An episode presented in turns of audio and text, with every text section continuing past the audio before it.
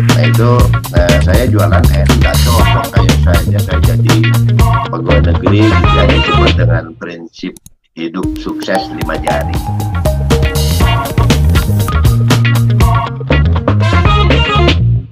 Salam Indonesia, salam jumpa lagi dengan The Syndicate, Angkat Topi, Tokoh dan Inspirasi. Sebuah program podcast yang dipersembahkan oleh para sindiket yang kami dedikasikan untuk mengangkat dan mengapresiasi para tokoh inspiratif dengan menggali biografi dan inspirasi sang tokoh. Kita ingin mencerahkan publik luas untuk kemajuan bangsa dan kemaslahatan republik. Kami berbangga, para sindiket berbahagia. Uh, kali ini, pada seri ini, kita kedatangan tamu yang luar biasa. Tokoh kita, Kang, Kang Agun Gunanjar Sudarsa. Kita angkat topi untuk Kang Agun Gunanjar. Assalamualaikum, Kang Agun. Waalaikumsalam warahmatullahi wabarakatuh. Ah, luar biasa. Iya, luar biasa. Salam sehat juga Kang semua. Apa kabar nih Kang? Damang? Baik-baik saja. Eh, Kang Agun ini luar biasa. Jadi sudah enam periode, enam kali eh, terpilih ya. menjadi anggota DPR RI, Kang ya. Dan kemarin waktu Kundapil, eh, hampir setiap daerah yang saya kunjungi, saya menyampaikan itikat saya bilang kalau masih didukung kalau masih dicalonkan kalau boleh saya bilang gitu nanti partai kalau ngizinkan masih mau dukung saya enggak kenapa ya paling tidak saya bisa dapat usulan untuk minta ke Jaya Suprana minta Muri tujuh kali berturut-turut tujuh kali berturut-turut tiga puluh lima Pak yeah, Pak Soeharto yeah, kalah itu Kang yeah, yeah. jadi luar biasa Kang Agun ini jadi mengalami fase dari Presiden Soeharto, lalu yeah. Presiden Abdurrahman Wahid, uh, Habibie ya, Pak Habibie. Habibie dulu ya. Habibie dulu, terus uh, Abdurrahman Wahid, Megawati, Pak SBY dan Pak Jokowi. Enam periode luar biasa. Politisi senior Partai Golkar, Agun Gunanjar Sudarsa. Saat ini bertugas di Komisi 1 DPR RI, fraksi di Partai Golkar di Komisi 11 Pak Ari. Sorry, Komisi 11, sorry ya. Iya. X1 maksudnya kan. Ya, Karena Kang, Kang Agun ini pernah di Komisi 1, pernah di Komisi 2, pernah Komisi 3, sekarang Komisi 11. Nah. Kang Agun, jadi kita ya. ingin angkat topi nih untuk Kang Agun. Bukan ya, pertama-tama ya. sudah enam kali menjadi anggota DPR, enam periode, tetapi spirit Kang Agun saya sering menerima postingan dari beliau ini eh, bagaimana tahajud tengah malam, sholat subuh segala macam, sholat isya di padepokan atau komunitas di, di Gombong sana luar biasa. Prinsip beliau ini eh, di, apa tidak ada waktu tanpa beraktivitas kira-kira gitu Kang ya? Tiada hari tanpa aktivitas. Tiada, Salam tiada hari tanpa aktivitas. Sukses. Luar biasa. Nah, Kang Agun, kalau saya baca profil Kang Agun di beberapa media begitu Kang, itu Kang Agun ini eh, pernah bertugas di eh, Kementerian Hukum dan HAM gitu Kang ya. Pernah so, betul. Sekolahnya juga administrasi di lembaga administrasi ya. negara. Pernah di Akademi Ilmu Pemasyarakatan juga Kang ya. Betul. Uh, lalu eh, S3-nya juga ilmu administrasi, belajar kriminologi. Yeah. Lalu aktif di banyak organisasi, FKPPI, HMI, SOKSI, lalu masuk ke Partai Golkar. Ya, nah, yeah, sekarang itu pengen tahu, Kang Agun, ini uh, terinspirasi dulu pengen jadi politisi, ceritanya gimana, Kang? udah banyak aktivitas, banyak organisasi, ceritanya gimana? Itu sebuah niatan atau memang seperti apa ceritanya Kang Agun? Ya, kalau ditanya niatan, uh, tentunya tidak. saya tidak berniat sama sekali jadi politisi, karena saya uh, menjalani hidup itu ya seperti air mengalir begitu. Mm -mm. Jadi politisi itu hanya kebetulan saja uh, sejalan dengan perjalanan hidup saya, makanya sampai saya punya prinsip tiada hari tanpa aktivitas. Tiada hari di mana, tanpa aktivitas. Ya, hidup itu adalah perjalanan waktu, uh, jalani sebagaimana waktunya. Jangan sekali-kali melawan hukum Allah, hukum Tuhan. Ya, ada pagi, siang, sore, malam, jalani sebagaimana waktunya. Dari kecil kita tidak bisa apa-apa, masih disuapin sama ibu, diajarin jalan kaki sampai bisa berlari, sampai bisa bersekolah. Uh, kan beda uh, apa yang harus dilakukan aktivitasnya ketika umur 10 tahun dengan umur 20 tahun, sekarang umur 63 tahun, kan berbeda. Di saya menjalani prinsip hidup uh, tiada hari tanpa aktivitas, hidup itu perjalanan waktu, jalani sebagaimana waktunya, dengan memanfaatkan menggunakan segala pemberian ilahi. Nah, itu saja yang saya jalankan.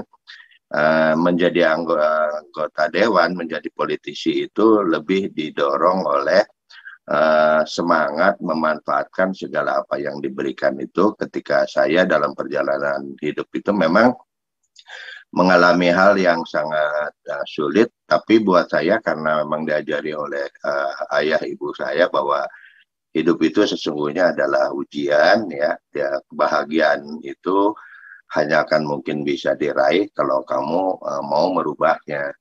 Nah, sehingga ketika saya tanya bagaimana ibu bapak merubahnya, ya kamu dikasih tangan, dikasih kaki ya. Nah, itu kan dari ilahi. Kamu dikasih apa? Otak, kita manusia yang paling sempurna. Pergunakan otak kamu. Nah, jadi dari kecil saya dapat asuhan orang tua seperti itu. Uh, saya jalani itu, tapi uh, Tuhan itu tidak pernah meminta kita melakukan sesuatu yang melebihinya. Sehingga ketika saya sekolah lulus STM Negeri 1 di Budi Utomo, ya, di saya ini alumni Budut ya, alumni Budut. Budi Utomo Kang ya. ya waktu itu karena hidup saya dalam zaman-zaman yang memang agak sulit lah ya masih masih kelahiran tahun 58 saya jadi alami sulitnya orang tua saya mem membesarkan anak dalam kondisi saya masih merasakan punya kewajiban di SD itu mencari biji karet ya di tanah kusir yang sekarang jadi pondok indah biji hmm. karet itu di, di direbus diolah pakai kapur sampai jadi dage itu untuk makanan sehari-hari. Nah, Dari saya biji karet, Kang? Jawa di biji karet. Ibu saya ahli tuh bikin gitu ya, bikin daging. Hmm. Dulu boro-boro ketemu beras, adanya bulgur gitu kan, ada bulgur masih kecil tuh. Nah sampai saya ingin sekolah, uh, ya saya sekolah SD, uh, lulus SD, uh, eh, masuk ke SMP, ya karena masih zaman susah waktu itu, sudah sudah eranya Pak Harto sebetulnya tapi era Orde Baru tapi masih dalam kondisi merangkak lah karena uh, kondisi ekonomi ditinggalkan Orde Baru kan uh, di Orde Lama tahu sekarang setelah baca yeah. hari sampai inflasi 600 persen segala macam gitu ya. Nah itu uh, saya jualan es. Jadi jualan es, ya, es balon, es keliling. Di, ya, gitu di kan? pasar ya, ya di pasar Kebayoran Lama di depan bioskop Cahaya sekarang udah nggak ada bioskopnya gitu kan. Bioskop nggak nah, ada, pasarnya masih ada Kang ya. Jualan es. Batur tinggal di mana Kang? Uh, saya di Rumah? Tanah Kusir. Tanah Kusir, Dulu Tanah Kusir. Uh, tempat jin buang anak lah daerah Tanah Kusir. Zaman tahun berapa? 60-an tuh Kang ya? Enggak, enggak, sudah tahun 70-an. 70-an. Tahun 70-an. Tahun 70-an. Jadi saya uh, pindah ke Jakarta tuh tahun 65 pas peristiwa G30 SPKI gitu sekitar itu. Dulu awalnya di Bandung Kang ya? Awalnya di Bandung. Iya. nah di Cimahi ya. Mm-hmm. nah kemudian uh, sampai bisa lulus SMP karena saya pikir hidup masih susah ya saya ambil sekolah STM aja biar bisa kerja. STM pun STM bangunan karena pasti uh, orang butuh bangunan orang, orang butuh ngebangun lah kira-kira gitu karena saya pikir ini udah ada eranya Nah, lulus STM bangunan, saya daftar ke STTN, diterima, saya kuliah. Di tingkat dua, kepaksa saya harus berhenti karena orang tua nggak sanggup gitu untuk ngebiayain sekolah teknik. Dulu waktu itu rektornya Profesor Ruseno lah, mm -hmm. di Yayasan Perguruan Cikini, ya Percik. Nah, saya keluar, nah saya sadari orang tua tidak mampu, ya udah akhirnya saya ngambil sekolah kedinasan yang nggak pakai biaya. Nah, di situlah saya masuk sekolah kedinasan, mm-hmm. uh, bekerja sampai akhirnya ditempatkan di lembaga pemasyarakatan. Jadi ya jadi petugas pemasyarakatan. Nah, dulu lebih dikenal jadi sipir gitu kan. Jadi sipir di Tangerang tuh Kang ya kalau salah. Tangerang, makanya kemarin saya agak protes ketika, ketika soal kejadian itu ya bakaran. Saya karena saya nggak mungkin itu terjadi kalau petugasnya menjalankan disiplin secara benar itu Betul. pasti nggak akan ada kejadian kebakaran uh, manusia yang begitu tragis, begitu nyawa, begitu hilang begitu saja. Nggak mungkin kalau petugas itu menjalankan secara benar. Karena saya di LP itu di tempat kebakaran itu saya bekerja. Nah, sejalan dengan itulah saya menjalani kehidupan untuk bisa maju lagi ke nasihat orang tua kamu hanya bisa ngerubah kalau kamu merubahnya saya sekolah lagi.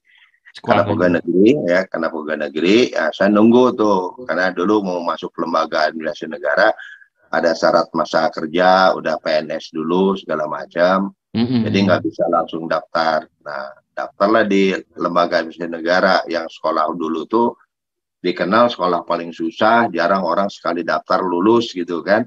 Lan, Tapi kan ya? saya lembaga negara lulus. Nah, saya jadi jadi apa mahasiswa di situ. Tapi berkenaan dengan saya aktif di di STI Alan, saya juga sejak itu sudah aktif di berbagai organisasi. Jadi sejak yeah. dari mm -hmm. STM pun, sejak dari di bangku kuliah, saya sudah sangat aktif di partai politik di Golkar tahun 82 saya sudah aktif di partai politik Golkar, mm-hmm. aktif di AMPI, di KNPI dan kan. sebagainya. Mm. Dia termasuk di FKPPI. Nah, mm. pada waktu itu di Soksi juga ya. Mm-hmm. Nah, bersamaan dengan itu saya sekolah di SDI Alan, terpilih juga jadi ketua umum Senatlan. Saya terpilih jadi sekjen uh, Persatuan Mahasiswa Administrasi se-Indonesia. Jadi ketuanya dari uh, dari UGM, wakilnya orang UI, sekjennya dari LAN. Hmm. Kita sering kegiatan kampus. Nah, bersamaan dengan itu uh, bekerja seperti biasa saya pindah tidak lagi di LP dipindahkan ke Akademi Ilmu Pemasyarakatan jadi dosen. Jadi hmm. asisten, ya. jadi asisten dosen. Yeah. Nah, uh, setelah jadi asisten dosen, ya saya coba meningkatkan pada materi pengetahuan saya ngambil magister administrasi di UI di Salemba. Nah, hmm. ketika di UI di Salemba saya kuliah, saya aktif di FKPPI di Kebon Sirih kan ke uh, ke Lemhanas itu dekat. Nah, yeah, iya, atasan yeah, yeah. saya, ketua umum saya Pak Asep Sujana kuliah apa sedang ikut KSA. KSA di di di Lemhanas. Nah, bersamaan dengan itu pula saya setelah lulus dari uh, dari STI Alan karena saya ketua umum senat ada pertemuan nasional alumni yang terpilih ketua umumnya Pak Hendro Priyono. Hmm, gitu Ya, ya, ya. Saya diminta jadi sekjennya sama beliau. Waktu itu hmm. Pak Hendro dan Rem di Garuda Hitam di Lampung. Ya, ya, ya, ya. Garuda Hitam jadi uh, ketua umum ikatan alumni, saya sekjennya. Nah, secara kebetulan aja waktu di Lamanas gitu ya, secara kebetulan waktu di Lemana saya melayani Pak Asep Sujana minta tanda tangan karena saya wakil sekjennya mendatangkan surat. Ya tanpa disadari ketemu Pak Hendro sama ketemu Pak Asep di Lemanas. Nah, dua-dua iya. orang ini ketemu uh, dia bilang kamu ngapain Gun ke sini? Kata Pak Hendro. Saya uh, melayani keperluan FKPPI Pak. Hmm. Pak Asep Sujana ini ada surat yang harus ditandatangani Nah, akhirnya mereka berdua, uh, wah kita nih tidak salah ya, punya sekretaris orang keren, dia bilang. Iya, Dua-duanya iya, iya. ngomong gitu, orang kerennya anak pintar, uh, punya kepribadian. Mereka yang mengatakan itu Pak Asep. Pak Asep sudah almarhum. Kalau Pak Hendro boleh ditanya masih ada orangnya. Siap kan, iya. ya, nanti aja di cross check kenal dan hmm. ya, apa omongan saya benar. Nah, pada waktu mereka dialog berdua, Gun, uh, Pak Hendro yang inisiatif. Gun, uh, bisa nggak bantu-bantu uh, uh, untuk uh, mahasiswa apa peserta KSA yang juga sedang mengikuti hmm. KSA, tapi kasihan dia anak orang pintar ya Kasdam Siliwangi yang memang dia ini uh, pasti harus lulus tapi terkendala secara teknis hmm. terkendala secara teknis karena pangdamnya sedang pergi haji sementara beliau ikut KSA-nya itu Jakarta Bandung pulang pergi sehingga hmm. kesulitan secara teknis bikin uh, taskap hmm Nah, jadi di situlah saya hampir tiap hari, tiap waktu sebelum beliau mengikuti uh, eh, KSA, pulang KSA, saya di brief, saya di briefing sama Pak uh, Kasdam Siliwangi, Pak Sumadi ya, Brigjen Sumadi waktu itu. Dia minta coba kamu uh, bisa dia main komputer bisa Pak, saya bilang hmm. kamu coba bantu ini dia kasih buku-bukunya, dia kasih judulnya, dia kasih buku petunjuknya ya, coba kerjakan. Jadi hmm, uh, asistensi Kang ya. Saya, Ya, saya hmm. secara teknis saya saya membantu beliau. Nah, hanya gara-gara itu aja, hanya gara-gara itu ketika masuk pemilu 97 ya, waktu pemilu 97 itu pemilu 97 baru kan pertama kan ada jalur A, uh, ada jalur A, ada jalur B, ada ada jalur G. Mm-hmm. Karena saya KPPI, saya juga tidak minta, tidak ngomong, minta jadi anggota dewan pun enggak. Nah rupanya almarhum Asep Sujana karena saya wakil hmm. sekjen ya di diketiklah pengurus-pengurus itu semua. Jadi bukan hanya iya, saya iya, iya, iya. proses semua pengurus FPPI diusulkan jadi calon anggota DPR RI nah, lalu disesuaikan dengan daerahnya saya ditempatkan di Jawa Barat. Nah hmm. pada waktu itulah yeah. uh, Pak Hendro juga udah ma, ma, apa uh, usulin aja siapa tahu nasib orang kan kita juga nggak tahu nah, karena proses itulah ya akhirnya uh, jujur saya harus mengatakan di Jawa Barat itu ya jalur A-nya yang ikut menghandle ya di antaranya Pak Pak Sumadi itu yeah. ya gitu begitu dia ngelihat ada nama saya waktu di Lemanas itu dia bilang Gun ini nama kamu iya yeah. iya Pak saya bilang ini benar nama kamu Sudarsa Iya Pak, uh, saya kenal bapak kamu katanya waktu hmm. di Bekasi, bapak kamu itu kan dinas di Pemda Bekasi gitu. Iya Pak. Nah saya dandim. Harusnya hmm. dulu ketua Golkar yeah, yeah, yang yeah. yang keren, yang bagus tuh ayah kamu. Saya ngusulkan ayah kamu, tapi berbeda pandangan dengan bupatinya. Jadinya bukan hmm. bapak hmm, hmm. kamu. Oh, udahlah sekarang kamu ini harus jadi. Iya iya ya, iya. Ya udah berproses seperti air ngalir akhirnya jadi caleg Pak Ari. Itu pila jadi, pemilu caleg. tahun 97 Kang ya?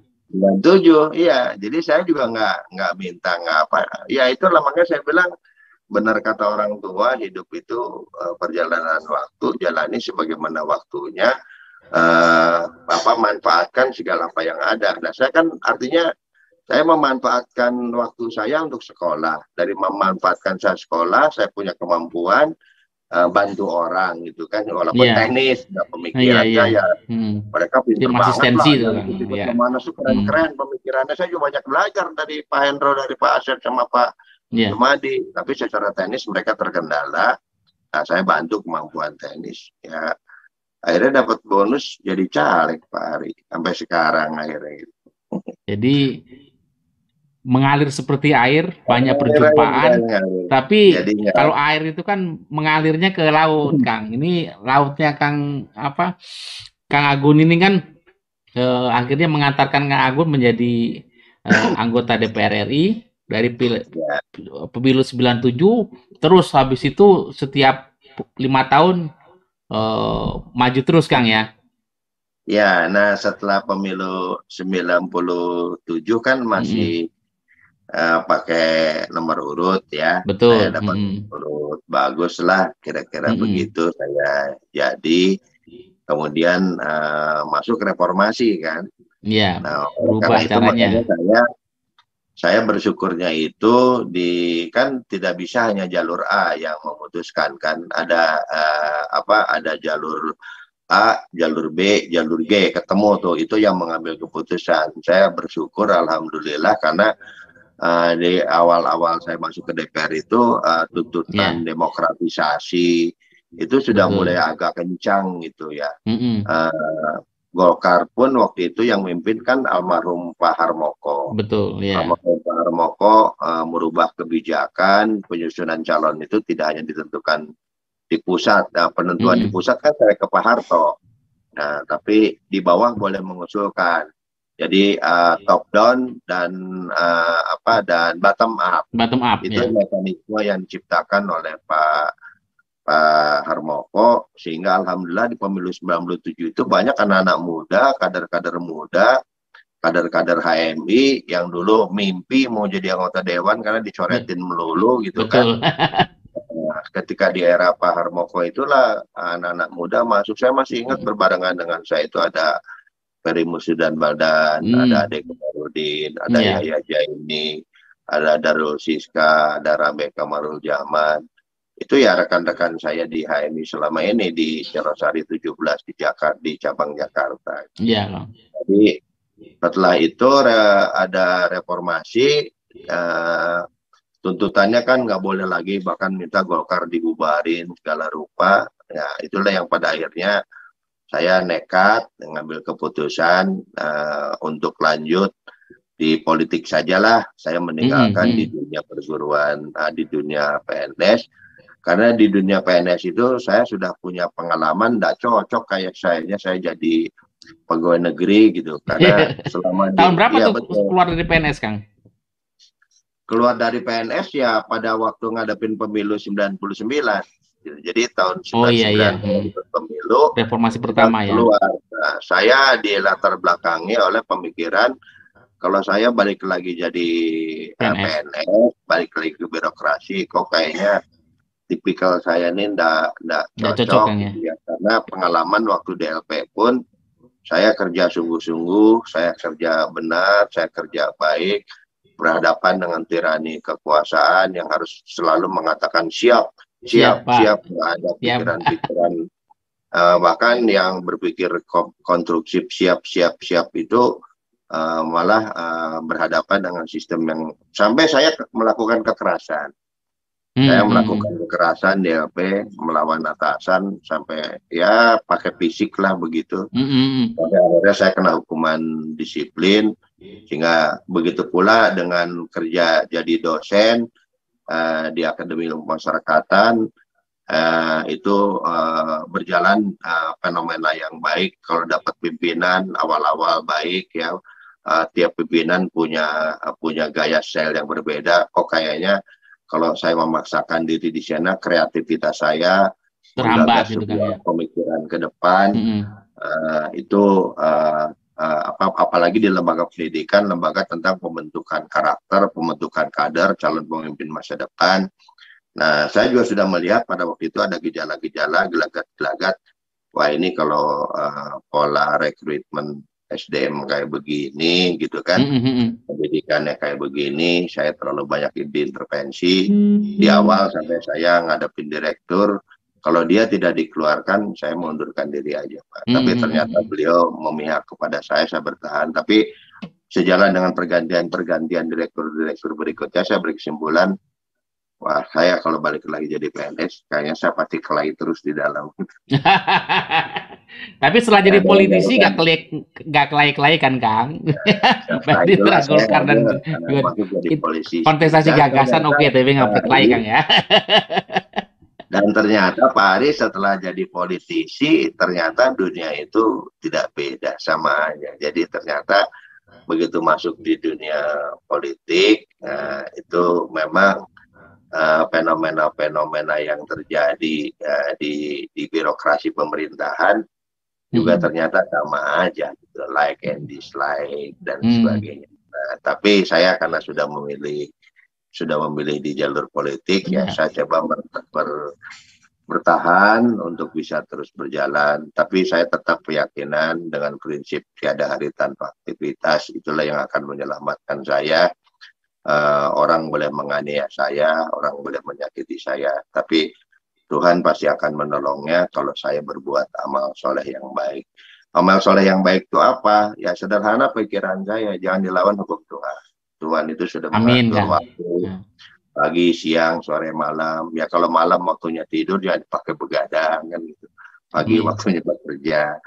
Jadi sudah ada aturan-aturan itu sehingga uh, ketika saya menjalani tugas sebagai anggota DPR, apa tugas anggota DPR? Ya mewakili rakyat yang dipilihnya. Kalau Anda berbuat yeah. baik, insya Allah rakyat akan. Hmm. Nah, di situlah tahun 2002, uh, bers, uh, apa 99 saya ikut pemilihan lagi. Nah, itu agak mulus ya, nggak terlalu sulit karena saya mendapatkan apresiasi dari Pak Akbar Tanjung uh, karena saya ditugaskan oleh Pak Akbar waktu itu uh, untuk menyusun undang-undang pemilu. Saya hmm, masih ingat hmm, hmm. betul Golkar yang ditugaskan itu Pak Ferry Mursidan Baldan ditugaskan dengan Pak Ferry Mursidan betul ketua undang panitianya waktu itu politik, ya undang-undang partai politik lalu Yahya Jaini ditugaskan untuk undang-undang uh, Susduk namanya sekarang MD3 lalu saya ditugaskan untuk undang-undang pemilu.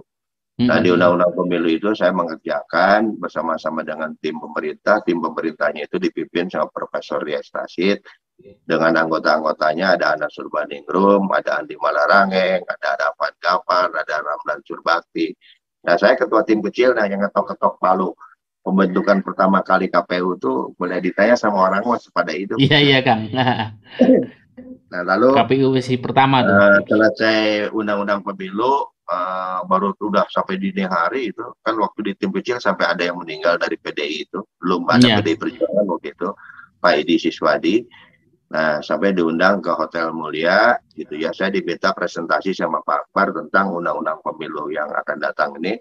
Apakah memberikan garansi jaminan bahwa Golkar akan tetap memperoleh kursi? Saya katakan terjamin Bang karena penentuan calon terpilih itu ditentukan dari uh, kabupaten kota di mana yang uh, dia mendapatkan suara terbanyak. Dan kita masih punya basis suara di kabupaten kota sebagaimana Bang suka turun ke bawah. Kita uh, hmm. masih kuat.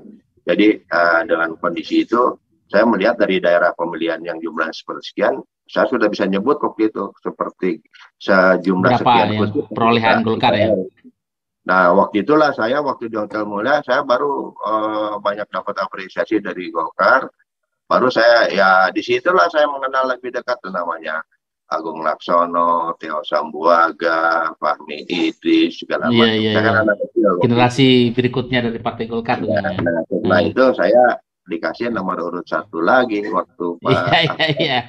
Nah, nah jadi menarik Kang Agung. Jadi kita angkat topi nih untuk Kang Agung nih. Iya. Jadi ya, ya. apa pengalaman hidupnya dari bawah jual ya. es, ngumpulin biji karet. Tapi yeah. pertemuan-pertemuan itu disyukuri Kang Agung dengan. Bapak mau bekerja sama, mau terlibat, mau tadi apa tiada hari tanpa aktivitas tadi bersama siapa pun yang akhirnya mempertemukan dengan orang-orang yang akhirnya menjadi bagian dari tangga-tangga karir eh, hidup dan kemudian karir politik Kang Agung. Kang Agung tetap pasrah, tetap mengalir, tetap bersyukur, tetap rendah hati, Buktinya ya, awet muda Kang. Rambut ya, boleh putih tapi kelihatan dari kerut wajah segala macam Kang Agung tuh awet muda. Hampir 60 tahun tapi uh, kelihatan awet muda. Uh, kalau bahasa Jawa itu semeleh. Jadi orang bersyukur pasrah tapi juga bersyukur tapi mengalir dan tadi ya uh, mengikuti apa yang menjadi sudah hukum ilahi, hukum alam itu luar biasa. Ya, Jadi kita akan topik Kang untuk Kang Agun. Ya. Jadi ya, siapa nanti Insya Allah di 2024 Kang Agun terpilih lagi untuk periode ketujuh Kang. Nanti kita ya, rayakan bersama-sama Kang Agun. ya, ya, baik Kang Agun. Ya, beberapa uh, mungkin beberapa penggalan pendek dari cerita Kang Agun tadi. Uh, semangat apa yang mau Kang Agun uh, bagikan kepada generasi muda bahwa uh, tadi kan kisah kelihatan siksak itu kan dari belajar uh, uh, ilmu uh, apa pemasyarakatan, administrasi, teknik, teknik kriminologi, sempat apa. Tapi mau ibaratnya mau belajar apa saja. Nah, ya, tapi akhirnya ya. sampai pada suatu titik di mana semacam gini ya, kita tidak tahu ke mana katakanlah Tuhan itu menuntun saya, memperkenalkan saya, tapi saya jalani saja dengan penuh ya. syukur. Itu yang saya tangkap. Tapi Betul. apa pesan Kak Agun untuk generasi muda supaya ini loh eh, hidup itu ya begini, bagaimana kan? Ya, makanya selalu saya uh, ya kesempatan saat ini saya di Komisi 11 ya. Iya. Itu selalu uh, para kantor perwakilan BI bahkan uh, BI pusat pun sudah pernah menyelenggarakan uh, dengan menyelenggarakan bedah buku Pak Ari. Saya bedah kan Agun ya? Ya, perjalanan hidup ini saya ini kan akhirnya saya tuliskan dalam sebuah buku ya. yang disebut dengan prinsip hidup sukses lima jari. Eh, sukses lima jari, lima jari betul. Ya. ya. Jadi awali jari jempol, akhiri jari kelingking. Jari kelingking. Ya, yang pada intinya selalu saya uh, dalam uh, bedah buku menyampaikan kepada generasi baru Indonesia. Jadi BI itu ada program beasiswa ya yang diberikan kepada orang-orang yang berkemampuan. Ada dua klaster. Yang pertama berkemampuan hebat, yang kedua yang tidak berkemampuan secara ekonomi. Hmm. Boleh tahu Kang itu lima jari itu satu jempol apa, keling, telunjuk apa? Sebelum ya. nanti kita masuk ke segmen kedua, Kang. Oke. Okay. Bagi penutup nah, segmen jadi, satu. Nanti, ya, sebelum ke penjelasan lima jari ini ya, saya selalu bertanya uh, kalau mau sukses, ini masuk ke lima jari. Yang Betul, pertama, kan? kalau kita mau sukses itu kenali dulu diri kita siapa. Who I am, siapa saya itu kenal. Saya hmm. saya laki-laki atau perempuan, bapaknya siapa, ibunya siapa. Hmm. Jati dirinya harus tahu Pak ya. Bahwa jati diri. Yang saya hantarkan pada Anda, yang saya hantarkan pada dia, Anda adalah manusia, bukan hewan. Oke, okay, ya. Anda oh. diberikan pengetahuan, Anda diberikan otak. Kalau otak Anda Anda gunakan, Anda pasti sukses. Itu berbeda dengan hewan. Oke. Okay. Yang kedua, saya jelaskan lagi, uh, di mana Anda? gitu. Nah, Gimana, Anda hari ini posisi. sedang Zoom meeting dengan saya, teman. Tapi lepas dari Zoom meeting, Anda kembali ke rumah, bisa ke kantor, bisa gini. Nah, di mana pun Anda berada, berikanlah manfaat kepada sesama. Oke, luar biasa. Oke, itu uh, yang kedua ya. Yang ketiga, yang ketiga, apa yang akan hmm. Anda lakukan? Apa yang akan dilakukan? Apa yang Anda lakukan? Kalau Anda ingin melakukan, ya, Kenali Anda sebagai manusia. Manusia itu ada jiwa dan raga. Seimbangkan antara jiwa dan raga. Hmm. Dan saling berkolaborasi antara organ yang satu dengan yang lain. Kalau Anda berpikir, Anda jangan berjalan nanti mikirnya nggak selesai-selesai. Gitu. Kalau Anda sedang berjalan, pikiran Anda jangan ikut bekerja, nanti kesandung. Hmm. Jadi, kalau Anda masih seperti itu, Anda namanya manusia. Karena kalau hmm. Anda tanpa jiwa, namanya mayat. Saya bilang, yeah. kalau Anda hanya mayat, kalau Anda hanya raga saja tanpa jiwa, itu namanya jom. Kalau Anda ingin manusia, kontrol diri Anda sebagaimana manusia. Nah, untuk itulah, coba lihat jari Anda. Di jari Anda lah masa depan Anda. Ya, apa? Hmm. Semua orang ingin husnul khotimah. Husnul khotimah Amin. itu ketika melawan hukum, tidak melawan hukum Tuhan. Kalau kata pikiran, pikiran dikasih sama Allah, dua ditambah hmm. dua, kamu harus ucapkan empat. Empat. Kamu bisa menjawab empat karena kamu sekolah. Nah, ya. nanti sekolah berikutnya bukan lagi dua ditambah dua, x kali y dibagi z dikasih zero sigma sekian, Pitagoras hmm. ya, kalkulus segala rupa. Nah, anda harus berucap. Nah, kalau Anda nggak belajar, nggak bisa. Jadi, asah pikiran Anda, tingkatkan otak Anda. Supaya Anda berucap bisa menjawab. Tapi dalam menjawabnya jangan melawan hukum Tuhan. Dua ditambah dua, Anda harus jawab empat. Oh, nah, iya. terakhir di tangan, gitu. Jadi pikiran, ucapan, dan tindakan. Tindakan. Tindakan. Nah, tindakan inilah dua ditambah dua, empat. Anda tulis empat, jangan ditulis tiga. Kalau tiga, yang satu ke mana? Hmm, iya. Nah, makanya korupsi di mana-mana. Iya. Nah, jadi kalau Anda, uh, bagaimana menjalaninya? Lihat anda masa depan Anda di tangan, Anda makan, Anda mandi, ya, Anda cuci muka, bermake up, ya, membersihkan, mengangkat barang, sampai tanda tangan, cek, hmm, tanda hmm. tangan nasib orang, semua di tangan Anda. Hati-hati, harus konsisten antara pikiran, ucapan, dan tindakan. Tindakan. Nah, untuk bisa itu Anda turuti sebagaimana Tuhan sudah menciptakan lima jari. Awali jari jempol karena hidup adalah perjalanan waktu. Awali dengan jempol yang baik-baik. Jangan okay. sombong, ya, jangan angkuh, harus murah hati, baik hati, pakai yeah. mobil, jangan selanang, selonong, seenak yang ngebut segala rupa. Pokoknya yang baik-baik. Seperti sifat Allah Asmaul Husna.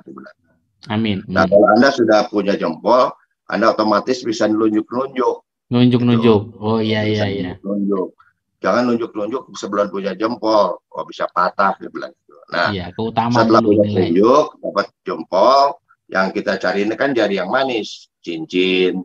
Cincin Nah, ya. orang mereka pegang cincin, makanya yang jari manis ini namanya uh, pendapatan, penghargaan, apresiasi. Nah, untuk Iya, melewati iya. untuk dapat Ah. jari jari yang manis kan setelah dapat uh, jempol, dapat Jempol, telunjuk. Anda mesti lewati jari yang tengah. Ternyata jari yang tengah itu tinggi. Nggak usah lompat. Saya bilang itu. Nggak usah loncat. Ah, Ini- ah, ah. Ada yang lebih tinggi dari Anda. Diminta sama Allah. Bermohonlah kepada Allah. Namanya hablum minallah. Tapi Hmm, hmm, Anda hmm. mengerjakan nggak bisa sendiri. Anda makhluk sosial. Ajak yang beda-beda. Ada si jempol, si telunjuk, si jari Hmm, mana, si iya, kelingking. iya, iya. Ajak. Hablum minanas. Saya bilang. Hablum minallah, hablum minanas. Nah, makanya Islam itu rahmatanil alamin. Anda dapat. Nah, kalau sudah dapat, jangan Dapat lupa dengan jari kecil, di harta. kelingking, Hmm. dirawat. Link. Karena dirawat. jempol, si gendut, kalau ada jak suwit, kalah dia. Iya, iya betul Kang. Iya. Filosofinya luar biasa rakyat ya. kecil, Ah. rakyat kecil akan nurut walaupun tukang protes, akan nurut kalau perintahnya benar, nurut dia. Iya, iya. Telunjuk perintah- perintah aja. telunjuk betul. Perintah-perintah aja nggak akan dijalankan kalau tanpa ada keteladanan. Kan ada keteladanan dia. Teladanan. Nah, Amin. Luar biasa filosofinya Ini ini dengan lima ini jari. tuh sistem saya bilang ini tuh sistem mana yang penting semua penting ketika Betul. kita kepal ngangkat tanda tangan itu akan jadi kuat saya kira itu Baik. aja yang Luar biasa. Eh. Kita angkat topi para sedikit, angkat topi untuk Kang Agun Gunanjar Ya, Sudarsa dengan Ya. prinsip sukses lima jari yang sangat filosofis tapi applicable dalam kehidupan kita, dalam kehidupan nyata, dalam meraih sukses juga dengan tetap rendah hati di hadapan Sang Pencipta. Luar biasa Kang Agun. Di Ya. Sesi pertama ini kita lewati bagaimana Kang Agun dulu Ya. eh, melewati masa-masa eh, karirnya seperti apa, latar belakang sejarah segala macam, sebuah perjalanan yang tidak mudah, su- eh, tapi s- semua dihadapi dengan mm, dengan apa tetap pasrah, rendah hati dan mengalir dan tetap pasrah pada Sang Ilahi itu yang luar biasa. Ya, luar biasa. Sekali lagi, angkat topi untuk Kang Agun. Ya, terima kasih Kang. Kita rehat dulu untuk oh, akan masuk ke episode kedua, part 2. Nanti kami akan lebih menggali inspirasi, gagasan dan pemikiran Kang Agun untuk Oke. Indonesia masa depan berangkat dari tantangan dan kondisi hari ini. Ya.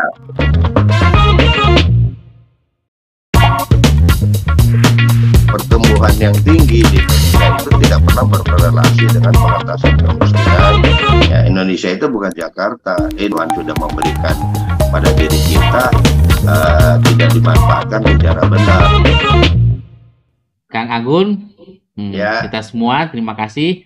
Eh, kita angkat topi untuk Kang Agun Gunanjar Sudarsa.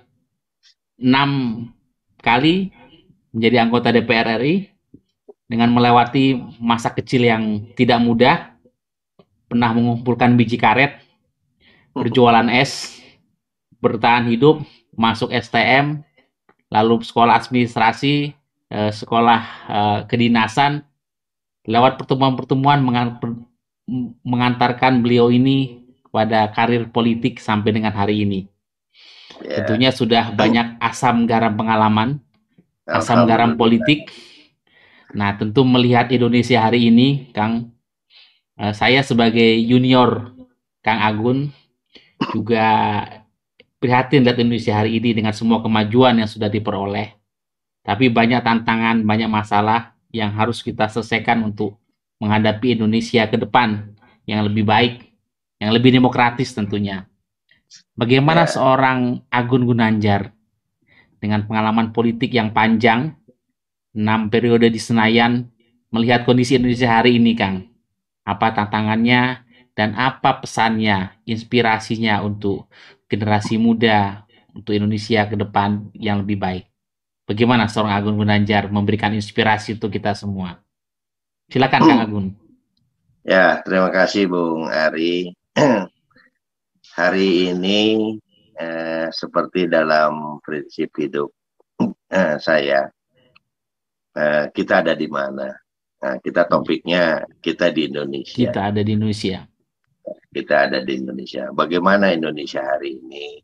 di mata saya Indonesia hari ini yang secara objektif Indonesia adalah bagian dari percaturan politik ekonomi global di yeah. era bebas, era demokrasi, era supremasi hukum yang jauh berbeda dengan era di awal-awal uh, saya menapaki hidup ini. Di mana kita tahu dulu ada blok barat, ada blok timur, dan lain sebagainya. Nah sekarang disebut dengan era uh, globalisasi, bahkan peradaban kehidupan manusia sekarang, kita bersyukur ada hikmah di balik pandemi COVID-19, kita memasuki peradaban baru yang namanya uh, era teknologi uh, 4.0.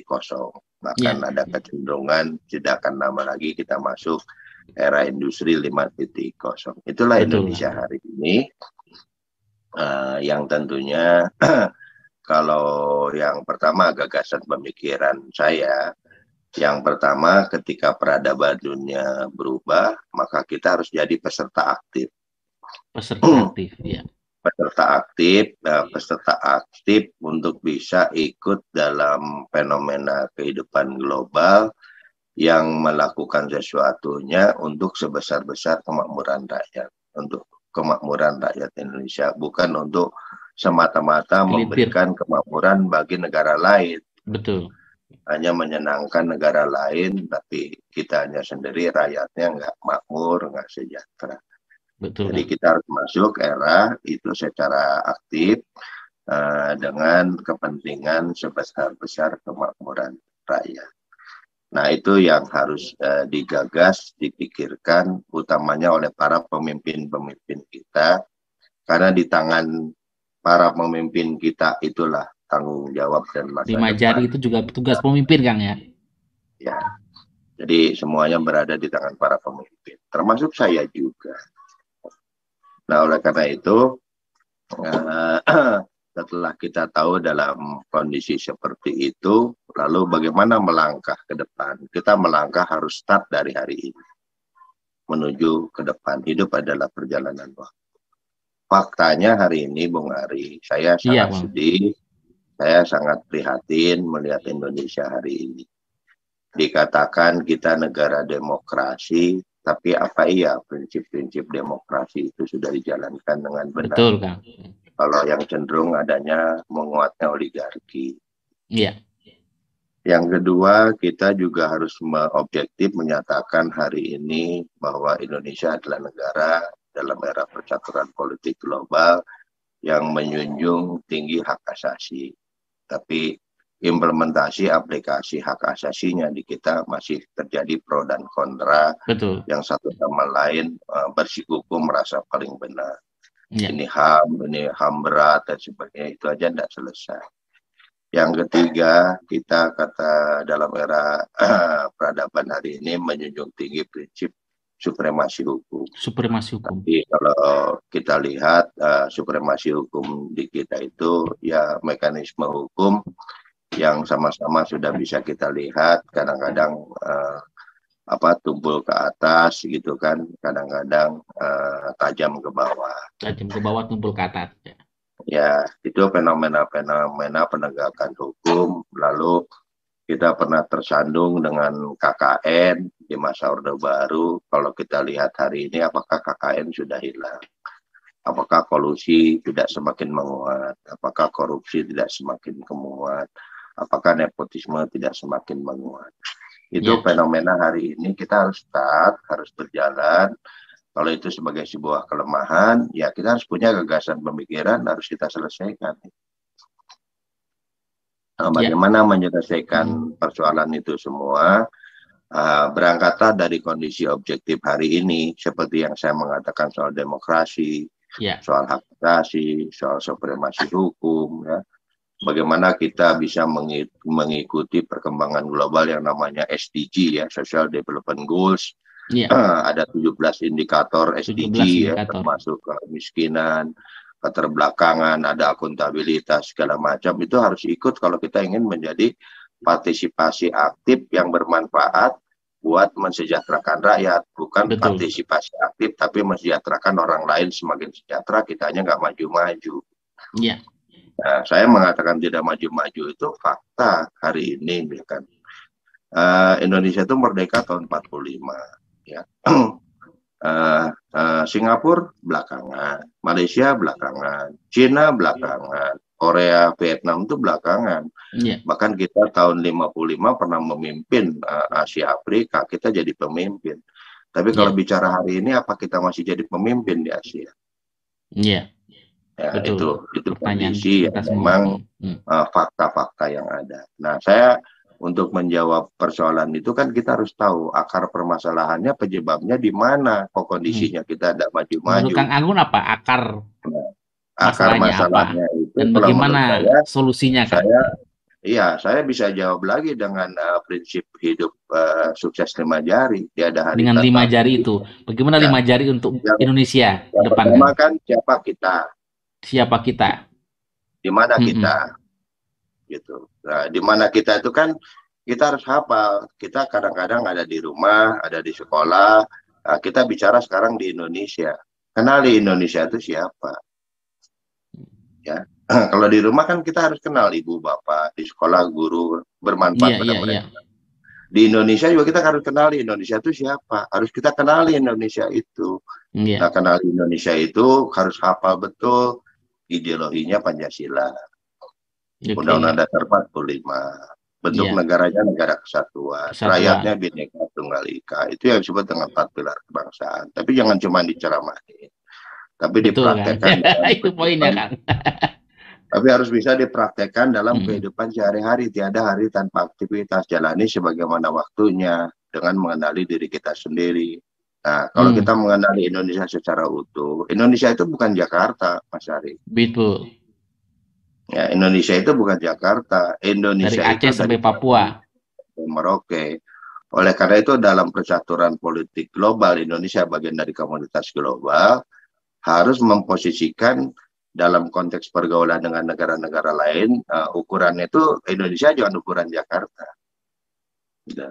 Karena Jakarta uh, ini yang dalam konteks uh, persaingan di pasar bebas dengan riblarisasi kapitalisasi yang terjadi hari ini di seluruh penjuru dunia, uh, saya melihat yang sukses itu justru Cina gitu. Dia dalam konteks pergaulan ekonomi politik global dia ikut terlibat, tapi sebesar-besar kemakmuran rakyat dia pertahankan nah, Cina. sebesar-besar kemakmuran rakyat itu buat saya Cina jadi pelajaran dia concern uh, uh, apa uh, Cina itu uh, bukan hanya ibu kotanya Cina itu ada Shanghai uh, sang apa ada uh, Peking ada Shanghai Peking, ada ya. Guangzhou ada Shenzhen segala macam ya. itu berinteraksi dengan dunia global kalau kita kan cuma Jakarta Iya iya. Harusnya Bandung, Merauke, Ambon, nah, Medan Indonesia semua. itu hmm. dari Sabang sampai Merauke iya. Indonesia ya. itu uh, sehingga uh, sebesar-besar kemakmuran rakyat itu di uh, rakyat Indonesia itu terlibat dari Sabang sampai Merauke. Ya. Nah ini yang terlibat cuma Jakarta. Nah sehingga uh, ada yang aneh hari ini menjadi fakta pertumbuhan yang tinggi di Indonesia itu tidak pernah berkorelasi dengan pengentasan kemiskinan, berkorelasi yeah. dengan uh, apa dengan uh, jurang yang semakin pendek antara yang kaya dan yang miskin. Tapi karena uh, Indonesia itu adalah Jakarta yang sangat sentralistik, dia abai, nggak pernah hmm. ada yang namanya melihat uh, Bandung, Surabaya, segala macam. Jadi Yeah. Iya. Uh, oleh karena itulah tangan kita ya dalam membuat kebijakan-kebijakan internasional, saya lebih cenderung pertumbuhan itu tidak usah tinggi-tinggi, tapi pertumbuhan itu flat, rata dari Sabang sampai Merauke yang tidak terlalu jauh sehingga uh, dinamika kegiatan ekonomi itu tidak tersentralistik di Jakarta dan yeah. itu hanya akan mungkin bisa dilakukan kalau kita kembali ke yang sesungguhnya atas fitrah Tuhan gitu. Tuhan memberikan yeah. kita uh, apa uh, musim uh, dua musim hujan sama kemarau. Harusnya kan produktivitas itu lebih tinggi dibandingkan lebih tinggi daripada empat musim. Nah, tapi faktanya kita impor beras karena mengkhianati pemberian hmm. Tuhan. Jadi Tuhan sudah memberikan pada diri kita uh, tidak dimanfaatkan secara benar, malah hmm. yang ada uh, hanya ikut terlibat dalam trade perdagangan dunia. Sehingga karena trade perdagangan dunia, maka aspek produksi ditinggalkan. Yang penting iya. pertumbuhan. Ya, market aja kan ya. Daripada daripada daripada nanam katanya lama-lama, mendingan kita beli hmm. aja deh. Beli aja ya. Trade. Jadi uh, produksi di, di, di, di, di, dihapuskan. Uh, yang berikutnya kan terjadi yang anomali-anomali. Kita punya dua musim, tapi kita ngimpor beras. Gitu kan. Yeah. Nah, malah Jepang yang musimnya banyak, malah dia bisa ekspor beras ke kita. Iya, iya, iya. iya. Kemudian uh, yang berikutnya juga dua per tiga wilayah kita itu laut, gitu kan. Ya. Uh, harusnya kan kembali kepada hukum Tuhan. Tuhan memberi kita dua per tiga laut, ya dimanfaatkan. Bagaimana bermanfaat untuk kepentingan ya. kita hmm. bersama. Hmm. Uh, tapi yang terjadi tidak dimanfaatkan sehingga ikan-ikannya yeah. dicuri, illegal fishing, illegal mining dan sebagainya dicuri semua. Yeah, dan yeah. karena penegakan hukumnya lemah, diselesaikan di tengah jalan, mm. kan? Mm -hmm sehingga diselesaikan di tengah jalan akhirnya pejabat para semakin kaya rakyatnya semakin menderita. Kan begitu pak. Iya iya iya. Apa ngimpor beras ngimpor cabai ngimpor hmm. kedelai semua ngimpor karena yeah. Iya. uh, dia tidak melihat Indonesia itu sebagai sebuah negara kepulauan dua per tiga wilayahnya laut. Indonesia itu bukan Jakarta. Indonesia itu dari Sabang sampai Merauke.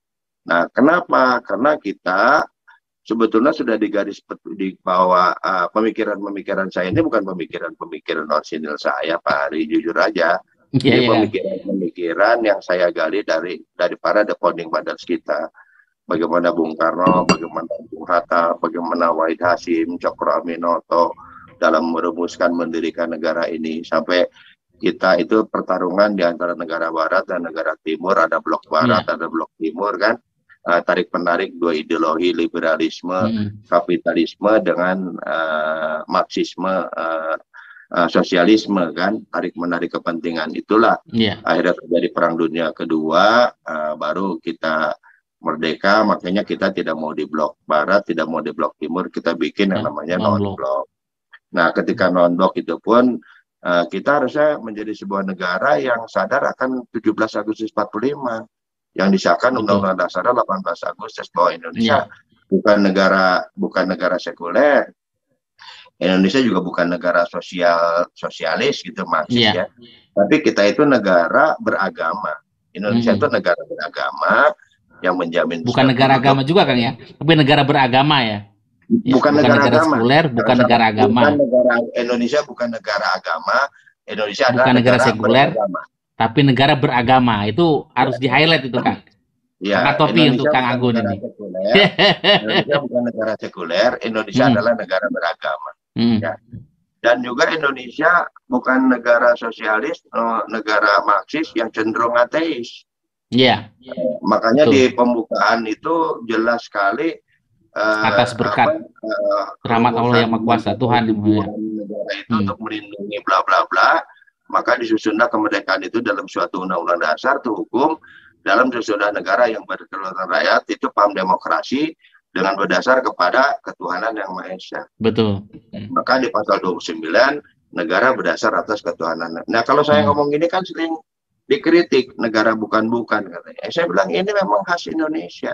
Kita yeah. punya teori sendiri. Kita, kita punya punya tempat di mana kita berada itu kalau Indonesia itu Kang ya di mana iya. kita berada itu kita punya tempat sendiri di mana kita tempat. berada. Karena Indonesia itu bukan negara Eropa tempat lahirnya liberalisme kapitalisme yang mereka negaranya kecil-kecil dan daratan, Pak. Betul. Sehingga jargon teorinya itu pertumbuhan yang eh, pertumbuhan yang tinggi otomatis memberikan pemerataan dan keadilan karena nilai hmm. itu sama.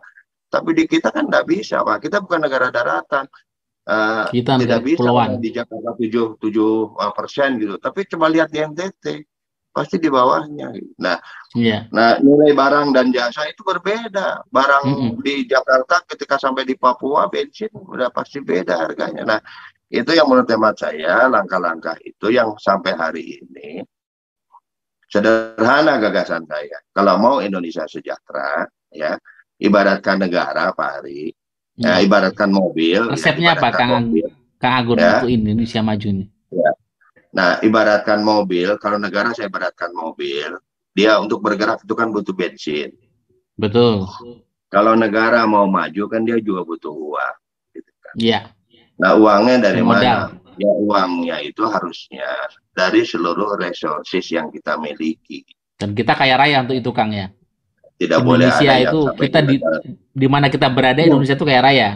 Ya harus jangan sampai kita illegal fishing, illegal mining. Makanya hukum harus tegak, Mm-mm. demokrasinya harus benar, tidak boleh oligarki, hak asasinya harus benar. Hak asasi kita kan bukan hak bebas tanpa batas, tapi hak yang berdasar atas ketuhanan yang Maha Esa. Yang Maha Esa. Amin. Ya, betul Kang. Makanya LGBT itu di kita tidak bisa dilegalkan, Pak. Tidak bisa Iya. LGBT Mhm. dilegalkan karena Tuhan itu selalu mau eh, me- me- apa, eh, menciptakan Iya. sesuatu yang berpasangan, laki-laki. Iya berpasangan Perempuan. laki-laki dan perempuan begitu ya. Kalau yang berbeda itu justru ujian bagi yang normal. Harus Hmm. dengan penuh kesabaran, tidak boleh dijauhi, tidak boleh diasingkan, tapi berikan pemahaman kamu tuh laki-laki. Ya, kamu kalau konsisten dengan hukum ilahi itu Hukum tadi, hukum alam. Jadi, nah untuk itulah menurut saya kalau ibarat negara Pak Ari ya, ini kan kita punya struktur nih. Ini presiden nih ya, Betul. presiden Piramida. pasal 4 ya, pasal 4, pasal 5. Dia dibantu para menteri pasal 17 Mm-mm. membawahi eh, pemerintahan provinsi, pemerintahan kabupaten pasal 18. Nah, rakyat itu kan ada di bawah sebagaimana segitiga ini, Ya, Itu kan. piramida. Hmm. piramid. Nah, presiden sendiri butuh sandang pangan papan, rakyat juga butuh sandang pangan papan. Nah, Betul. kalau saya ibaratkan mobil butuh eh, bensin, negara ini isinya rakyat butuh uang. Nah, uangnya ini harusnya jangan Jakarta. Uang itu di Hmm. Sabang disebar dari Sabang sampai Merauke nih. Iya, Sabang iya. sampai Merauke disebar sebagaimana kondisi objektifnya, lihat jumlah penduduknya, lihat luas wilayahnya, lihat potensi sumber daya alamnya, kelola sumber daya alamnya untuk kemakmuran rakyat. Nih, Betul. kemakmuran rakyat. Hmm. Tapi yang terjadi uang kita begini, Pak. Iya, iya, iya. iya. Resourcesnya di atas semua Kang ya. Ya, Hmm, contohnya pendidikan, dananya semuanya ada di Kemendikbud, Pak. Mm-mm. Kesehatan semuanya di Kementerian Kesehatan. Nah, kenapa eh, hal-hal yang eh, otonomi, kita kan negara otonomi ya, negara kesatuan ber, eh, apa berotonomi seluas-luasnya. Kecuali urusan yang oleh undang-undang ditentukan oleh urusan pusat. Pemerintah Urusan pusat, pusat itu hmm. keuangan, hukum, agama, pertahanan, sama politik luar negeri. Cuman lima Iya. selebihnya kan otonomi. Nah, Iya. kenapa semuanya itu eh, menjadi pusat, bikin balai latihan kerja sampai sekarang? Yang anehnya lagi buat saya, semua kementerian buat program yang lokusnya di desa. Iya, iya, iya. Nah, padahal desa nggak butuhkan itu, Mm-mm. gitu. Dan sering dibangun BLK tapi nggak dipakai. Mm-mm. Nah, itu, Itu karena gitu eh, kira-kira, Kang? otonomi. Maka Apa? Amerika maju karena ada ada otonomi di negara-negara bagian. Mm-mm. Cina maju karena ada otonomi di provinsi-provinsi. Kenapa Hmm. kita yang karakteristik seperti ini juga tidak konsisten menjalankan otonomi? Kalau otonomi dijalankan secara benar, maka kebijakan anggaran sebagaimana kondisi objektifnya. Jadi anggaran itu jangan ditaruh di Jakarta. Taruh di Sabang sampai Merauke. Nah, Jakarta negara kesatuan mengatur dari sisi regulasinya. Hmm, iya, iya. iya. Jadi Jadi soal distribusi anggaran tuh harus langsung didistribusi ke daerah, Kang ya. distribusi. Nah, Hmm. sehingga itu mau tidak mau akan melahirkan para pelaku-pelaku ekonomi di daerah, pengusaha di daerah sampai ke Mhm. kabupaten. Nah, itu akan Bagaimana dengan fenomena tadi kan uh, bagian dari demokrasi kita otonomi juga uh, Iya. bukan hanya distribusi pendapatan tidak terjadi tapi juga ko- fenomena korupsi juga terjadi penyeb- apa uh, di sini apa desentralisasi korupsi katakanlah begitu Kang. Fenomenanya kan begitu. Nah, Gimana kalau Kang? desentralisasi korupsi, kalau Bapak mau tahu mana yang dikorupsi? Yang dikorupsi itu adalah anggaran-anggaran pusat yang diturunkan ke daerah. Karena ada lobby, Hmm. Pak. Lobby antara orang pusat sama orang, Jaka- orang Jakarta. Iya iya iya. Langsung Ya. masuk aja rekening ke daerah gitu Kang ya. Iya, kalau semuanya rekening ke daerah dengan kontrol ketat dari pusat, Mm-mm. regulasinya seperti ini, dia melakukan bimbingan teknis, melakukan supervisi, sekaligus memberikan reward dan punishment di bawah. Iya Itulah iya makanya iya. konstitusi kita waktu itu kami membuat yang namanya badan perwakil badan pemeriksa keuangan itu hadir di tiap provinsi. Hmm. Tapi ternyata itu menjalankan tadi fungsi. Ya, ternyata yang diaudit oleh BPK juga anggaran-anggaran pusat juga, Pak. Hmm. Ya, Sehingga ya, sering ya, ya. terjadi uh, fenomena seperti itu. Jadi kalau menurut teman saya, gagasan pemikiran saya ke depan, ya, yang terbaik adalah uh, mari kita kejar ketertinggalan kita dari Cina, dari Singapura, dari Korea, dari Malaysia, dengan mengembalikan kepada diri kita yang sesungguhnya. Indonesia adalah negara kepulauan, Indonesia adalah negara agraris. Uh, mari kita coba mulai ikut menempatkan kebijakan tidak hanya di Jakarta, mm -hmm. tapi dengan memberdayakan daerah-daerah sebagaimana potensinya. Uh, contohnya hari ini, Pak, ya kan kasihan daerah yang tidak punya uh, apa, tidak punya uh, sumber daya alam minyak dan gas bumi. Yeah. Dia tidak dapat DBH. Contoh Garut, Pak Hmm. Jawa Barat ini gimana mau mengejar ketertinggalan karena uh, Jawa Barat itu minim uh, minim minyak dan gas bumi. Itu maka kucuran dananya pun ke Jawa Barat itu kecil karena Jawa Barat itu uh, daerah agraris. Tapi hmm. boleh ditanya hari ini dia sudah tidak ada DBH, hanya mengandalkan DAU, disuruh dia meningkatkan pendapatan asli daerah, tapi pajak-pajak semua sudah ditarik ke pusat tanpa ada transparansi. Hmm berapa sih sebetulnya yang diambil, berapa sih porsi yang dibagikan gitu. Dibagikan. itu gak proporsional kan ya? Ya Garut. Garut uh, dia daerah pertanian. Jawa Barat umumnya daerah pertanian. Tapi kan kebijakan hmm. anggaran selalu pendidikan, kesehatan, infrastruktur. Mana kebijakan sektor pertanian? Iya, iya. Mana Kalau kebijakan tadi, anggaran iya. sektor ya. perikanan? Iya. Kan nggak ada. Akhirnya ya, si daerah itu Hmm. Semakin ketinggalan sama Kalimantan Utara, Kalimantan Timur, sama daerah-daerah yang lain itu yang punya kan, resource katakanlah sumber daya alam ya, minyak dan ya, gas lebih nggak dapat apa-apa gitu jadi kalau iya. orang bilang nah ke depan yang harus dilakukan menurut saya sektor ekonomi itu ya alokasikan anggaran ke daerah ya. alhamdulillah Pak Ari Pak Agun hanya ngomong doang enggak saya orang yang ya. paling ngotot paling nah keras, soal alokasi tempat. anggaran ke daerah ini menarik Kang jadi ya. selama ini kan alokasi anggaran langsung ke kementerian, ke lembaga dan kementerian nih Kang. Ya. Jadi desain desain Kang Agung ini alokasi anggaran langsung ke daerah-daerah katakanlah ya. provinsi. Katakanlah ya. begitu Kang. Levelnya provinsi atau kabupaten kota menurut konsep Kang Agung?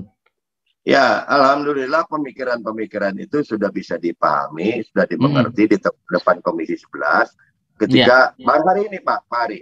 Hari ini baru saja disahkan uh, undang-undang hmm. hubungan keuangan pemerintah pusat, pusat dan daerah.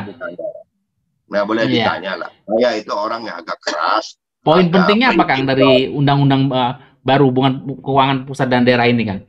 Bisa nah, di situ publik. saya masukkan karakteristik daerah harus mendapatkan DAW yang lebih besar di antaranya untuk uh, untuk sektor uh, pertanian, perkebunan dan perikanan. Itu usulan murni asli dari dari dari fraksi Golkar lah lewat saya. Hmm, iya iya. Ya, itu sudah Apa, masuk. Pertanian masuknya ya jujur aja.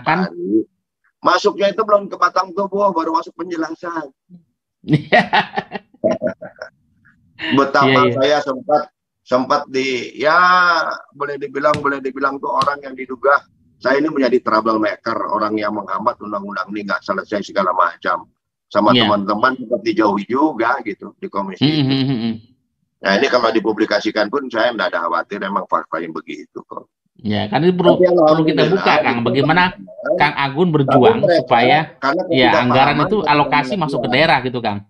Ya, tapi setelah saya jelaskan itu semua, akhirnya teman-teman uh, support saya, malah saya diminta paling depan untuk selalu bicara ngadepin Dirjen Perimbangan Keuangan Pusat dan Daerah tuh.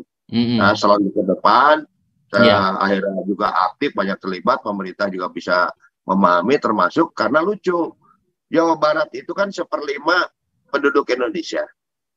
Ya seperlima yeah. penduduk Indonesia. Jadi proporsionalitas alokasi, alokasi itu berdasarkan apa Kang? Prioritas program. ya berdasarkan undang-undang yang lama Jawa hmm. Barat itu menerima dananya. DAU-nya uh, harusnya kan seperlima juga seperlima juga dari APBN harusnya kan begitu Pak ya. Kalau jadi jumlah uh, hitungannya populasi Kang ya ya, penduduk ya. ya. Ya harusnya kan begitu. Tapi ya. faktanya Jawa Barat itu kalah sama provinsi Jawa Timur, hmm. sama Jawa Tengah. Kita itu kalah. Hmm. DAU-nya Kang ya. Nah. Ya itu nggak punya sumber daya alam. Ya, pada akhirnya untuk mengejar ketertinggalan itu hmm. semua telah jual aset-asetnya untuk industri. Makanya Kerawang sekarang agak maju, uh, tapi membunuh pertanian, Pak. Dulu Kerawang itu lumbung padi. Betul, betul, betul. Oh, itu krunya ke sana nanti, Kang. Ya, Supaya sekarang jadi tetap bisa di pertanian kan harusnya begitu, Kang. Iya, hmm. sekarang jadi lumbung asap Kerawang. Ya tidak. Tapi, kenapa harus semua harus dikonversi menjadi industri kan tidak begitu kan harusnya? Ya harusnya tidak ya. begitu. Iya iya iya iya. Hmm. Ya. Nah, jadi ya. uh, kita perlu angkat topi nih. Oh, undang-undang ya. baru Kang Agun ini nanti perlu kita forum khusus untuk mengelaborate uh, undang-undang ya, baru ini bagaimana soal alokasi ya, anggaran ini Kang. Saya memberikan appreciate dengan forum ini kepada para sindiket agar undang-undang Terima kasih Kang. bisa dikerjakan ke depan supaya undang-undang yang baru masuk penjelasan itu betul-betul bisa diimplementasikan karena saya juga minta uh, tidak ada lagi alokasi anggaran-anggaran teknis yang ada di kementerian. Betul. Silahkan serahkan ke daerah. Bukan berarti pusat nggak ada yang teknis boleh, tapi nah ini kan menarik kan ini.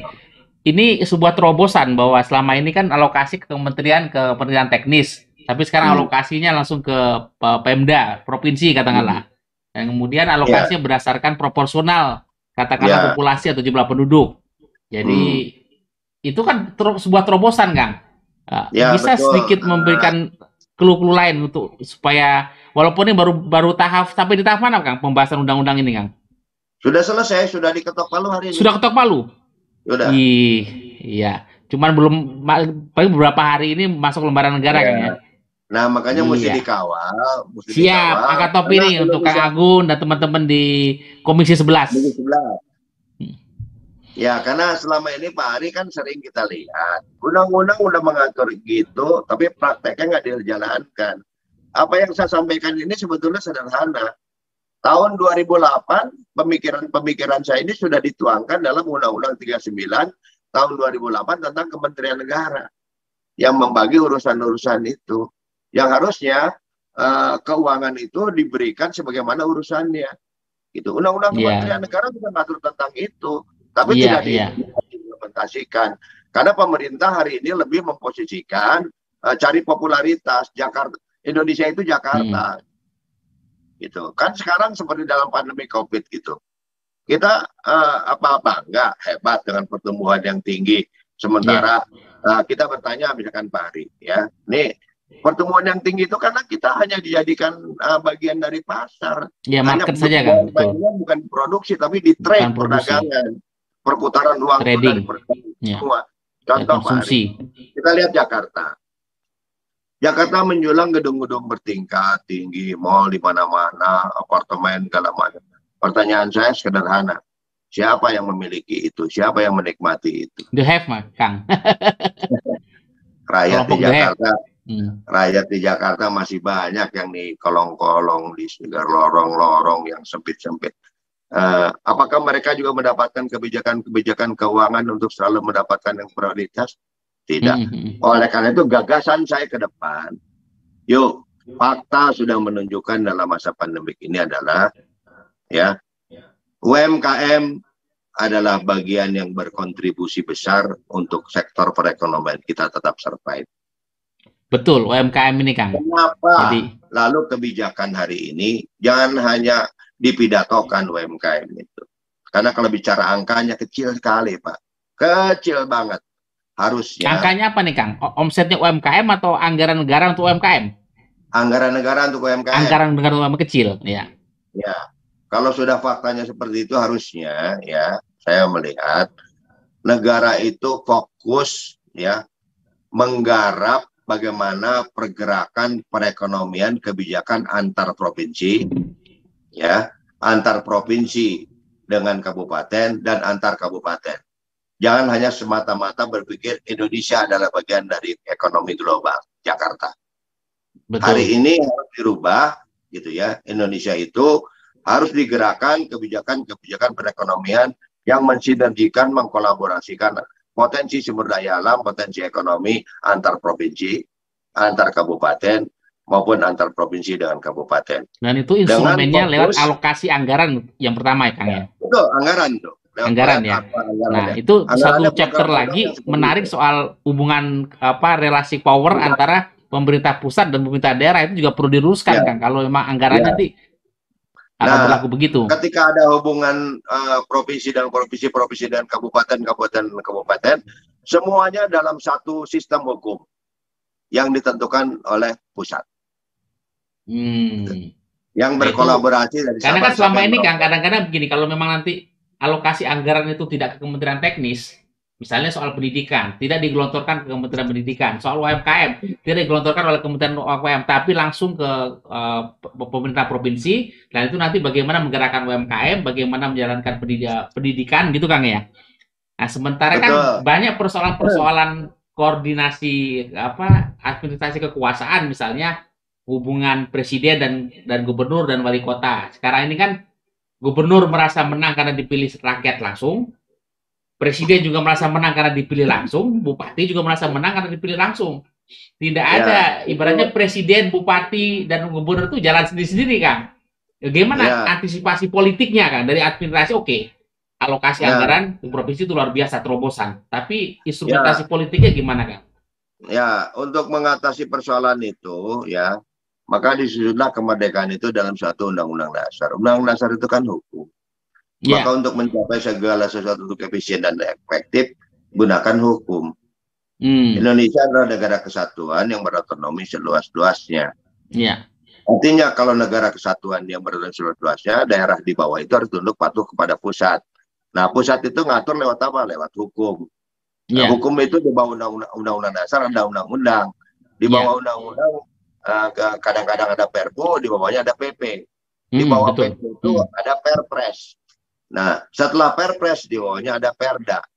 Hmm, hmm. Jadi nggak ada lagi Perda-Perda yang dibatalkan oleh menteri. Nggak ada, Pak. Iya, iya. Ya, apalagi gubernur-gubernur, dia anak buahnya menteri dalam negeri, salah.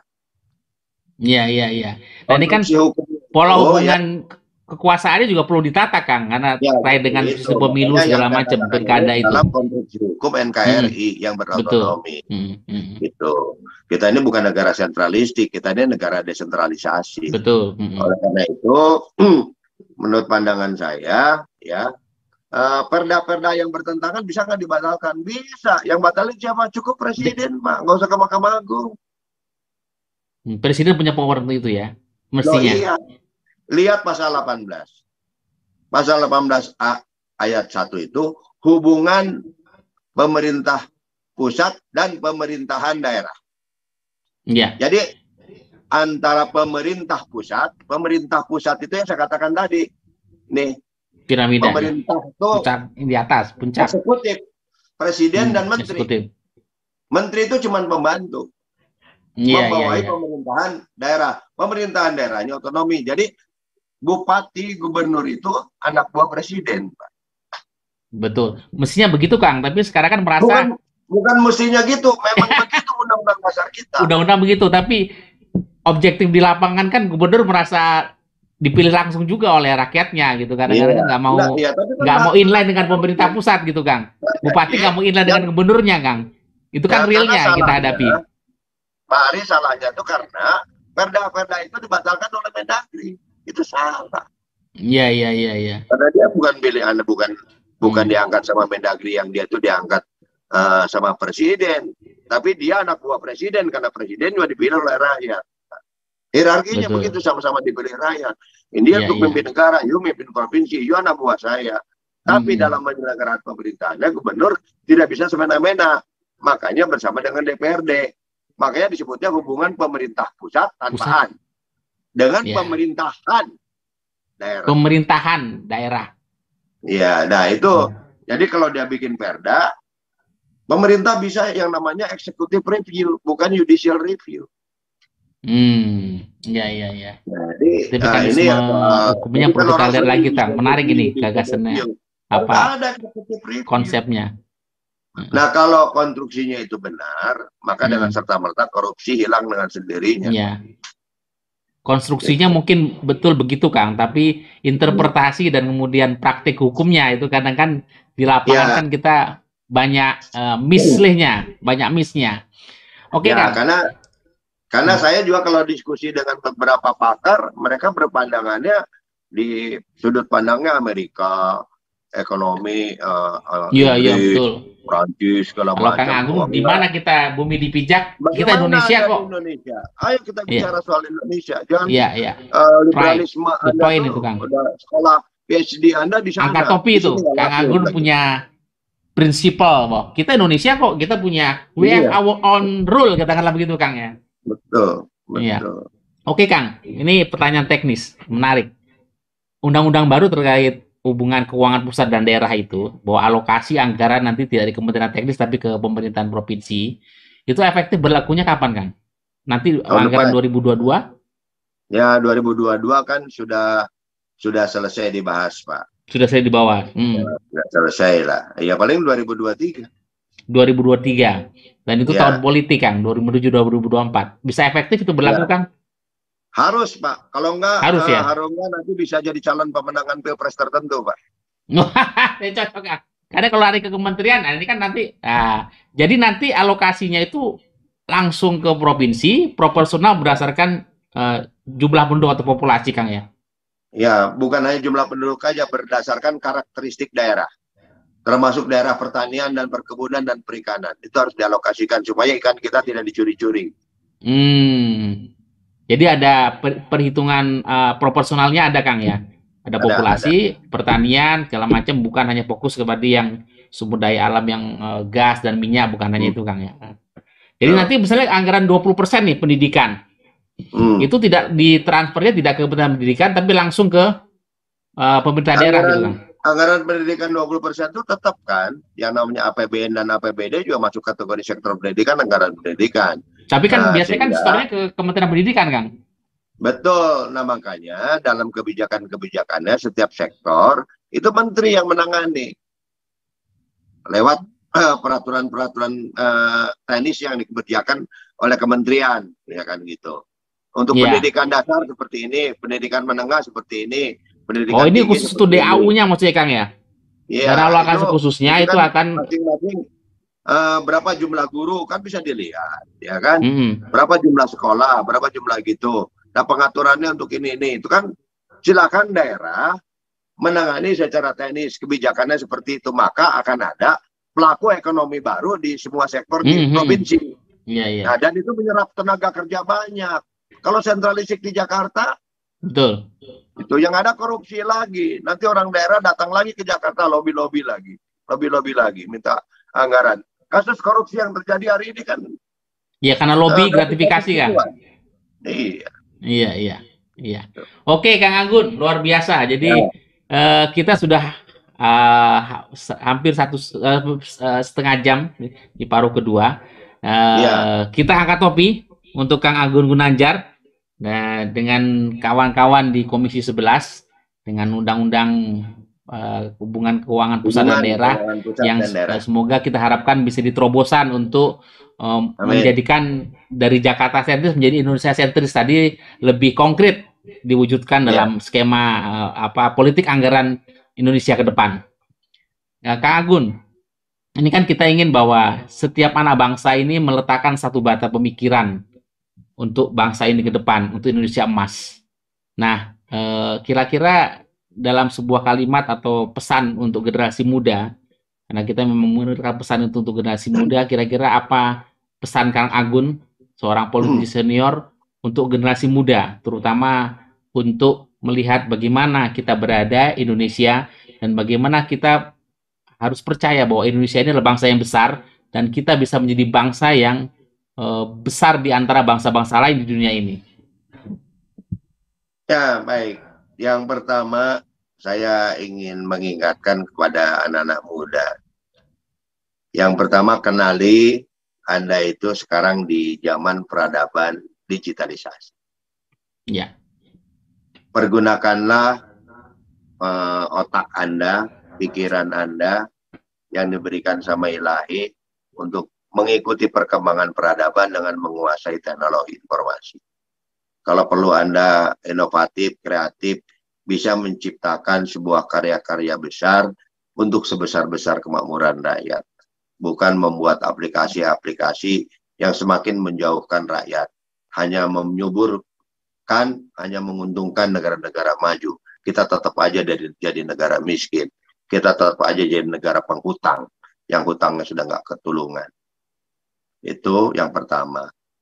Yang kedua, Anda tidak boleh sombong, ya, bahwa ya. Anda itu adalah manusia yang tidak bisa dan tidak akan ada apa-apanya kalau ada manusia lain, tidak ada orang lain. Ya, oleh karena itu Anda harus bertoleransi. Hmm. Hargai, hormati, akui bahwa perbedaan agama, perbedaan latar belakang, perbedaan suku, semua kehendak ilahi. Ya, Amin. agamaku, agamaku, agamamu, agamamu. Tidak usah kita lalu kupar kabir, cebong, kampret, semua itu ciptaan ilahi. Harus diakui, harus dihargai, harus dihormati. Anda tidak boleh sombong, Anda harus mau berkolaborasi, dan uh, Anda harus toleransi, dan Anda harus mau berkolaborasi. Karena hanya dengan kolaborasi itulah Anda bisa memiliki kekuatan, dan pesan yang terakhir, Anda harus konsisten. Jadi kembali, Anda tidak boleh sombong, karena Anda di jari tengah, ini yang paling tinggi, manusia hmm. paling sempurna, paling tinggi, tidak boleh sombong, tapi Anda ada tetangga yang beda-beda, harus saling menghargai, toleransi. Amin. Tapi Anda harus berkolaborasi. Ini berkolaborasi. Setelah kolaborasi Anda konsistensi, pikiran, ucapan, dan tindakan. tindakan. Saya kira itu yang harus dibekali oleh anak muda. Anda hidup di bumi pertiwi Indonesia, peganglah ideologi nasional kita, peganglah sistem hukum kita, peganglah bentuk negara kita, hargai hormati keragaman di antara kita. Kalau Anda kuasai teknologi informasi, Anda bisa memposisikan Indonesia dalam dunia internasional, tapi Anda lupa, Anda tidak lupa, Indonesia bukan Jakarta, Indonesia dari Sabang sampai Merauke dengan tidak sombong, bertoleransi, berkolaborasi, dan konsistensi, insya Allah akan diridhoi ilahi. Ya, Amin. Saya kira itu. Hormat. Luar biasa, Kang Agun Gunanjar Sudarsa. Kita angkat topi untuk Kang Agun. Kita akan ya. topi untuk kebersamaan dan pertemuan kita uh, pada sesi kali ini yang luar biasa bersama Kang Agun Gunanjar Sudarsa, uh, anggota DPR RI, fraksi Partai Golkar, seorang politisi senior. Kang Agun, terima kasih. Kita sekali lagi akan topi untuk Kang Agun. Terima ya, kasih juga untuk, untuk uh, pertemuan kita uh, dalam sesi ini. Nah, kita semua untuk anak bangsa, semua pemirsa, kita punya obsesi yang sama untuk meletakkan satu bata pemikiran dari dari jutaan batu bata lain untuk berdirinya sebuah rumah bersama yang bernama Indonesia. Kita makin mencintai Indonesia, mari kita bergandengan tangan untuk Indonesia ke depan yang lebih baik. Terima kasih. Sampai jumpa. Salam Indonesia.